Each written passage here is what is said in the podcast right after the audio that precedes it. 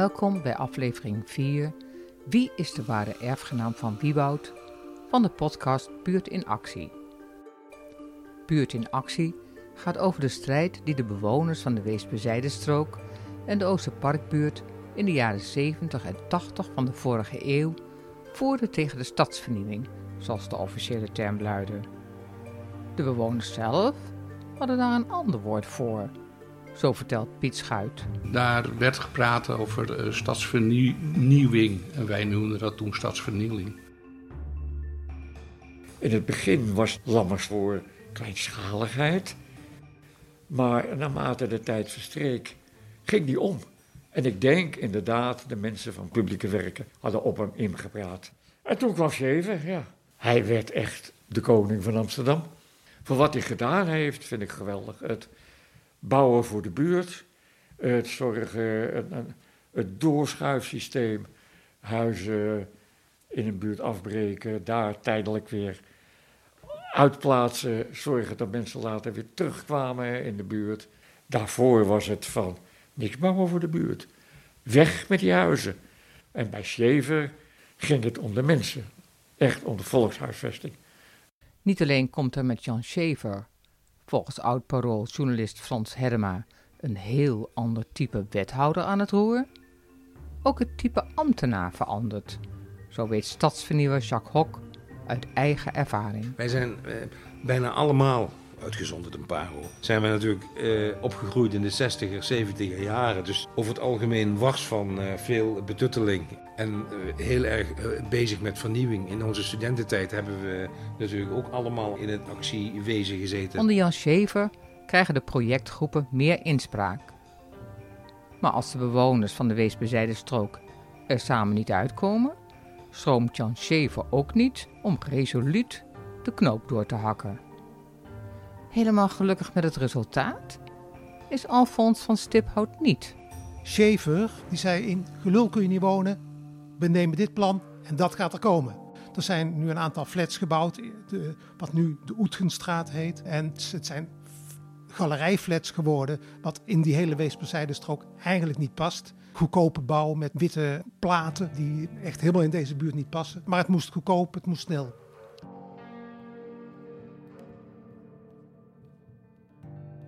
In de Oosterparkbuurt staat een blok van 102 woningen tussen de Blaasjestraat, de Ruistraat en de Wiebouwstraat op de nominatie om gesloopt te worden om plaats te maken voor sociale nieuwbouw. Ineke Jansen, die in een kraakpand in de Oosterparkbuurt woont, vindt samen met andere nieuwe bewoners dat de blaaskop niet gesloopt, maar gerenoveerd moet worden. In het begin is er heel erg op, uh, toch op naartoe gewerkt om voor uh, renovatie en behouden van het stadzicht, et cetera, et cetera. En geen nieuwbouw, omdat die, al die sociale nieuwbouw, behalve dat project van uh, chef Rijntjes, was een vreselijke nieuwbouw. En dat het ook betaalbare woningen moesten blijven. Dat, dat was het uitgangspunt. Maar beide dingen, ook behoud van de, dit soort stijl van huizen. Dat, want de Wiebouwstraat werd al steeds lelijker en lelijker met de meest verschrikkelijke gebouwen die daar kwamen. Nou, dit was in ieder geval nog een stuk authentiek stuk stad. In het begin zaten er ook nog oude bewoners die ook daar graag wilden blijven. Maar die kozen eieren voor hun geld, zoals het dan heet. Want de gemeente die, uh, zei wel tegen ze, als je nou niet de, de andere woning aanneemt, dan verdwijn je van de lijst. En dat zijn toch dreigementen waar mensen bang van worden. Dan hebben ze toch van, ja, ik, ik heb recht op een legale woning. Dus als ik nu nee zeg, op een aantal mensen die bleven zitten, met name jongere mensen, maar, maar de mensen met kinderen die vertrokken. En we werkten toen ook heel nauw samen met de verkorenbakker. Maar ja, die had op een gegeven moment natuurlijk ook de. Ja, hij kreeg iets anders aangeboden. En die moest op. Dan zie je dus de tactiek van de gemeente om de, de, de, de mensen tegen elkaar uit te spelen. En dat werkt perfect. En toen werd het ook echt een, uh, ja, een alternatief paradijs. Hè? Al die binnentuinen die werden bij elkaar getrokken. Dus we hadden ons, ons kraakcafé daar.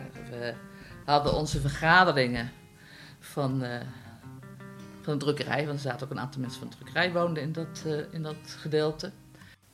En dan had je op de kop, waar vroeger de, de, de, de bakkerij De Hartog zat, daar werd de krakerrand daar in elkaar gezet, die zat daar. En wat ook heel leuk was voor de kinderen, het was echt een paradijs. Zo, al die binnentuinen, prachtig was het echt, waar ze echt konden spelen. In die, want al die, die, die huizen, die, die begaande grondwoningjes, die hadden allemaal hun tuintje. En die tuintjes, die waren dus, toen iedereen er nog, die gezinnetjes er allemaal nog gewoond was, dus met, allemaal met hekjes, ieder zijn eigen tuintje. Nou, die hekjes werden weggehaald. Dus er werd één grote binnentuin van gemaakt. Ja, en dat was natuurlijk ontzettend leuk. Maar de oorspronkelijke Oosterparkbuurtbewoners zijn volgens Jacques Hok wel voor sloop en nieuwbouw. De bewoners die er oorspronkelijk woonden in de Blaaskop en ook de rest van de buurt, onder aanleiding, eh, eh, van, van Riet Tappelwijn, waren het eens dat die woningen gesloopt moesten worden vanwege de slechte kwaliteit. En dan zou 100% sociale woningbouw terugkomen. En de winkels op de begane grond in de Blaaskop zouden allemaal behouden blijven. En die krakers die hebben toen gekraakt, omdat wij aan het uitplaatsen waren, die bewoners. En die zeiden, daar hebben we allemaal niks mee te maken. Voor ons is het goed genoeg en het blijft gewoon staan, punt. Hoe komt het dat de oude en nieuwe bewoners niet meer, zoals we in aflevering 3 zagen, samen optrekken? Ik had daarvoor heb ik op het buurtcentrum gewerkt, met allerlei vrouwengroepen. En toen was die relatie nog heel intens. Ik werd ook niet als kraker gezien, gewoon als iemand uit de buurt. Maar op een bepaald moment gingen wij natuurlijk zelf helemaal op in die hele kraakbeweging. Ik denk dat het ook bij ons lag, dat je dus wat meer van elkaar verwijderd raakte. Ik werkte toen ook niet meer in het buurthuis. We hadden wel kraakcafés, maar daar voelden de buurtbewoners zich helemaal niet bij betrokken. Je, je begroet elkaar wel als je op straat tegenkwam. Je kon ook eindelijk wel eens met elkaar op straat blijven kletsen. Maar er was niet meer die samenwerking die daarvoor was. Ik denk dat wij radicaliseerden. Dat wij misschien wel meer vervreemden van hun dan hun van ons. In heel Amsterdam is de kraakbeweging geradicaliseerd. In de binnenstad worden speculatiepanden bezet en wanneer de gemeente overgaat op ontruiming, loopt het regelmatig totaal uit de hand, zoals bij de Grote Keizer aan de Keizersgracht. De krakers uit de wijk en niet samen met de bewoners, het was echt de krakers. En die organiseerden zich rondom dat, eh, de Grote Keizer. Want die zou ontruimd worden. En dat werd steeds militanter en militanter. En de, die, die, grote keizer werd uh, verdedigd op, ik weet niet met wat allemaal. Begin 1982 is het duidelijk dat de blaaskop ontruimd gaat worden. Het is niet goed gegaan met de blaaskop. Ik, ik snap dat nog steeds niet helemaal. Want ik heb echt tot de laatste avond heb ik met die uh, krakers uh, proberen te overleggen. Ehm, ik persoonlijk vond dat heel lastig, want dat was de eerste keer dat het me niet lukte om op één lijn te komen met een groep. Want alle andere keren was dat, was dat prima gelukt. En was er ook over en weer begrip. Krakers hebben ook heel veel goeds gebracht in die buurt. Allerlei nieuwe leefvormen, nieuwe woonvormen, andere uh, highlights in de discussie. Alleen bij de Blaaskop is dat niet gelukt. We hebben gezegd, wij, wij gaan niet de confrontatie aan met de politie, want dat verliezen we. En bovendien hebben we daar ook geen zin in. We hebben geen zin in straatgevechten meer. Uh, wat voor ons heel belangrijk uitgangspunt was, dat wie was onze tegenstander in dit geval? was de gemeente Amsterdam. En wie was een symbool daarvan? Was Wieboud. Floor Wieboud was begin 20e eeuw de eerste socialistische wethouder volkshuisvesting in Amsterdam. Wieboud, de machtige. En als je realiseert wat die man voor Amsterdam heeft gedaan. Het was de man die zoveel voor de volkshuisvesting heeft gedaan. Die zoveel voor de mensen heeft gedaan die eigenlijk ja, niks te makken hadden. En hij nam drastische besluiten. We moeten de woningbouw niet overlaten aan particulieren. Dat wordt een puinzooi. Dan krijgen we weer hetzelfde als met die 19e eeuwse wijken, waar half gammele heipalen zijn gebruikt. Wij moeten zelf gaan bouwen. Of we moeten woningbouwverenigingen oprichten die dat gaan doen. En de eerste plannen die hij tot uitvoering eh, bracht, dat was daar de Spaardammenbuurt. En nu het pareltje van de stedenbouw, eh, de Zaanhof, eh, de Amsterdamse school, dat kwam door Wieboud. Maar Wieboud was ook de man die zei, ja, de mensen die in de nieuwe woningen komen die ik laat bouwen, die kunnen die huur natuurlijk niet betalen. Toen heeft hij de huursubsidie bedacht. Dat kon je toen nog doen als stad. Je kon zelf uitmaken, waar stop je je geld in? Je leende geld bij banken. Uh, je had niks met het Rijk te maken. Dus Wieboud zorgde gewoon voor, uh, er komt geld en we passen er wat bij. We betalen die mensen gewoon een deel van de huur. Geen gezeur. Dus Amsterdam is een van de eerste, ik geloof wel de eerste gemeente, waar de huursubsidie bestond. Dus wordt er een belangrijke verkeersader naar hem genoemd, de Wieboudstraat. En in de Wieboudstraat komt het Wieboudhuis te staan, waar onder andere de dienst publieke werken gehuisvest wordt. En pal voor dat gebouw staat het 3,5 meter hoge bronzen beeld voor. Dat is een van de grootste zonen die Amsterdam heeft gekend. Als de blaaskop ontruimd wordt, trekken de krakers op naar het Wieboudhuis. Het Wieboudhuis staat alle ambtenaren van Amsterdam. Wat nu eh, op de Stopera zit, zat, dat, zat daar. nou, daar zaten dus onze directe tegenstanders, zeg maar. Het idee was om Wieboud van zijn sokkel te krijgen. Maar niemand had gedacht dat dat zo makkelijk ging. Er was natuurlijk wel touw meegenomen, dus dat was wel voorbereid. Maar dat werd dus om Wieboud heen uh, gedraaid. En uh, het was natuurlijk zoveel mensen. Het was ook een stedelijk alarm wat gaat bij ontruimingen altijd. Dus je hebt ineens echt honderden mensen. Dus het is niet dat je maar een klein clubje mensen hebt, dan lukt het niet. Maar met zoveel mensen en zoveel woede krijg je dat beeld wel om. Nou, en dat gebeurde. En toen werd hij dus gesleurd naar de blaaskop en daar werd hij weer neergezet. Van, dit wil ik, hier wil ik zijn, dit zijn mijn mensen, als symbool. Nou, later sprak ik trouwens een keer een ambtenaar die in het gebouw zat, die daar werkte. En toen, wij, toen die aanval kwam op wat hun dus zo ervoeren op het Wieboudhuis. Ja, als je daar ineens honderd actievoerders die razend zijn, op je af ziet komen. Dus alle deuren werden ook meteen dicht gedaan, et cetera, et cetera. En die zeiden, nou, ze waren ontzettend bang geweest. Ze waren zo blij dat, dat ze met dat beeld vertrokken. Dat die actievoerders weer weg waren. Dus echt, dat kan me ook wel voorstellen, want zij waren natuurlijk al razend. In die zin op ja, hoe het allemaal gegaan was. Dat is voor ons toch weer zo'n voorbeeld van, we hebben niks te vertellen. Maar Wieboud is niet het enige doelwit die dag. En verder had de gemeente Amsterdam allemaal van die prestigeprojecten. Van die tentoonstelletjes die ze hielden overal op verschillende plekken in de stad. Om zich, te wilden ze laten zien wat voor een prachtige visie hun hadden over hoe de 19e eeuwse gordel, hoe die dus verbeterd moest worden. En uh, die tentoonstellingen die werden nou, niet zo vrolijk behandeld, laat ik zo zeggen. Lang niet alle krakers doen trouwens mee met de acties. Piet Schuit houdt zich afzijdig. Nou, ze hebben Wieboud van zijn uh, sokkel afgehaald. Daar kon ik nog wel wat bij uh, indenken. Maar bijvoorbeeld in de Keet stond er een tentoonstelling van uh, hoe een bepaald project zou worden. Die hebben ze in, in de puin geslagen. En, en, en, op het stadhuis hebben ze een aantal dingen in de puin geslagen. Nou, dat, dat soort dingen, daar doe ik niet meer mee. Ik ben jarenlang heb ik in de kraakbeweging gezeten, maar ik heb dan nooit een steen gegooid. Aan het einde van de dag is er voor anderhalve ton aan schade aangericht. Ook Wieboud komt niet ongeschonden uit de strijd. Hij heeft een deuk in zijn linkerschouder en zijn achterkant is ernstig beschadigd. Verder is het bronzen beeld van onder tot boven volgesmeerd met rode en groene verf en het voetstuk, waarop hij hoog boven iedereen uittornt, is krom.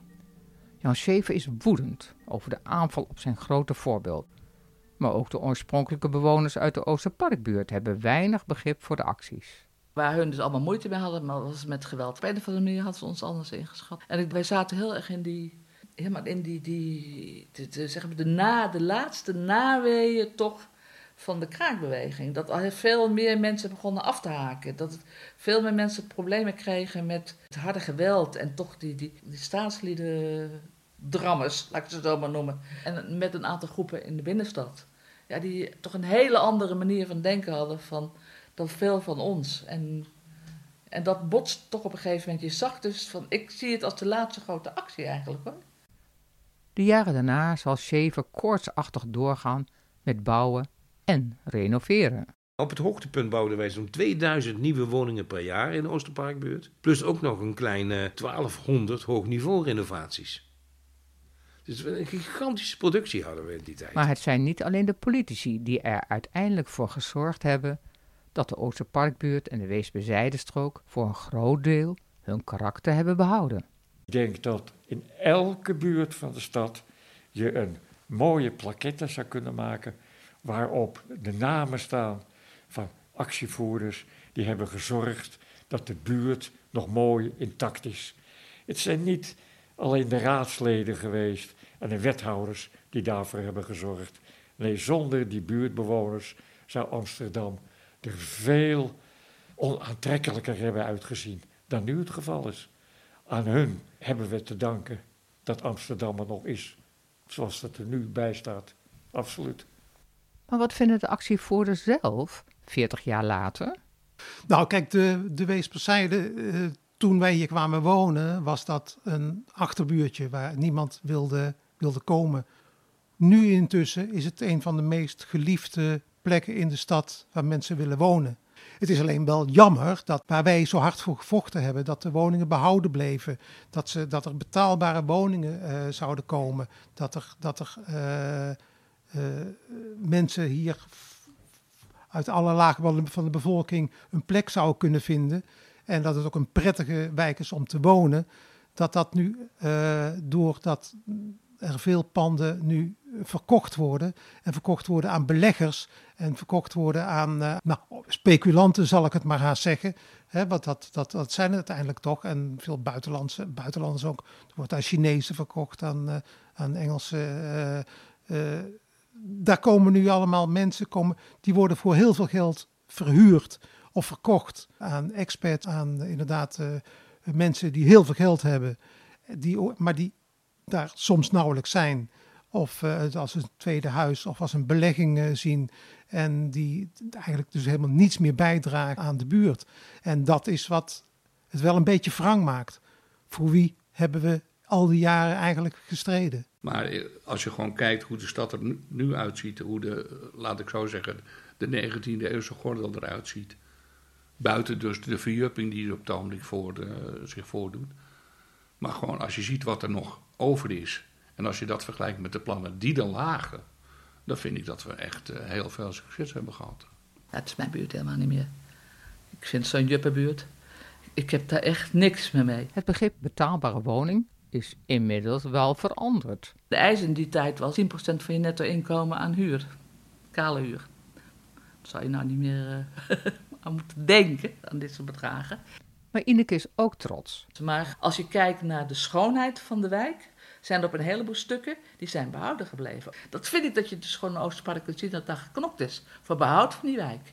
En Rietje Tapperwijn, de koningin van de Oosterparkbuurt, sterft in 1989 veel te jong op 57-jarige leeftijd. Om haar te eren wordt er een plaquette gemaakt, zo vertelt Pim Meijers, die destijds coördinator van het Oosterparkbuurtcentrum was. We hebben gezegd, ja, er moet iets komen. Dat moet dan in het buurthuis, want daar was het langst actief. En dat vond ik ook, ik vond het een hele mooie toevoeging aan het buurthuis. Er had eigenlijk nog een korte levensbeschrijving onder gemoeten van wat ze dan, wie ze was en wat ze had gedaan. 30 jaar lang heeft Rietje Tapperwijn in het halletje van het buurtcentrum gehangen.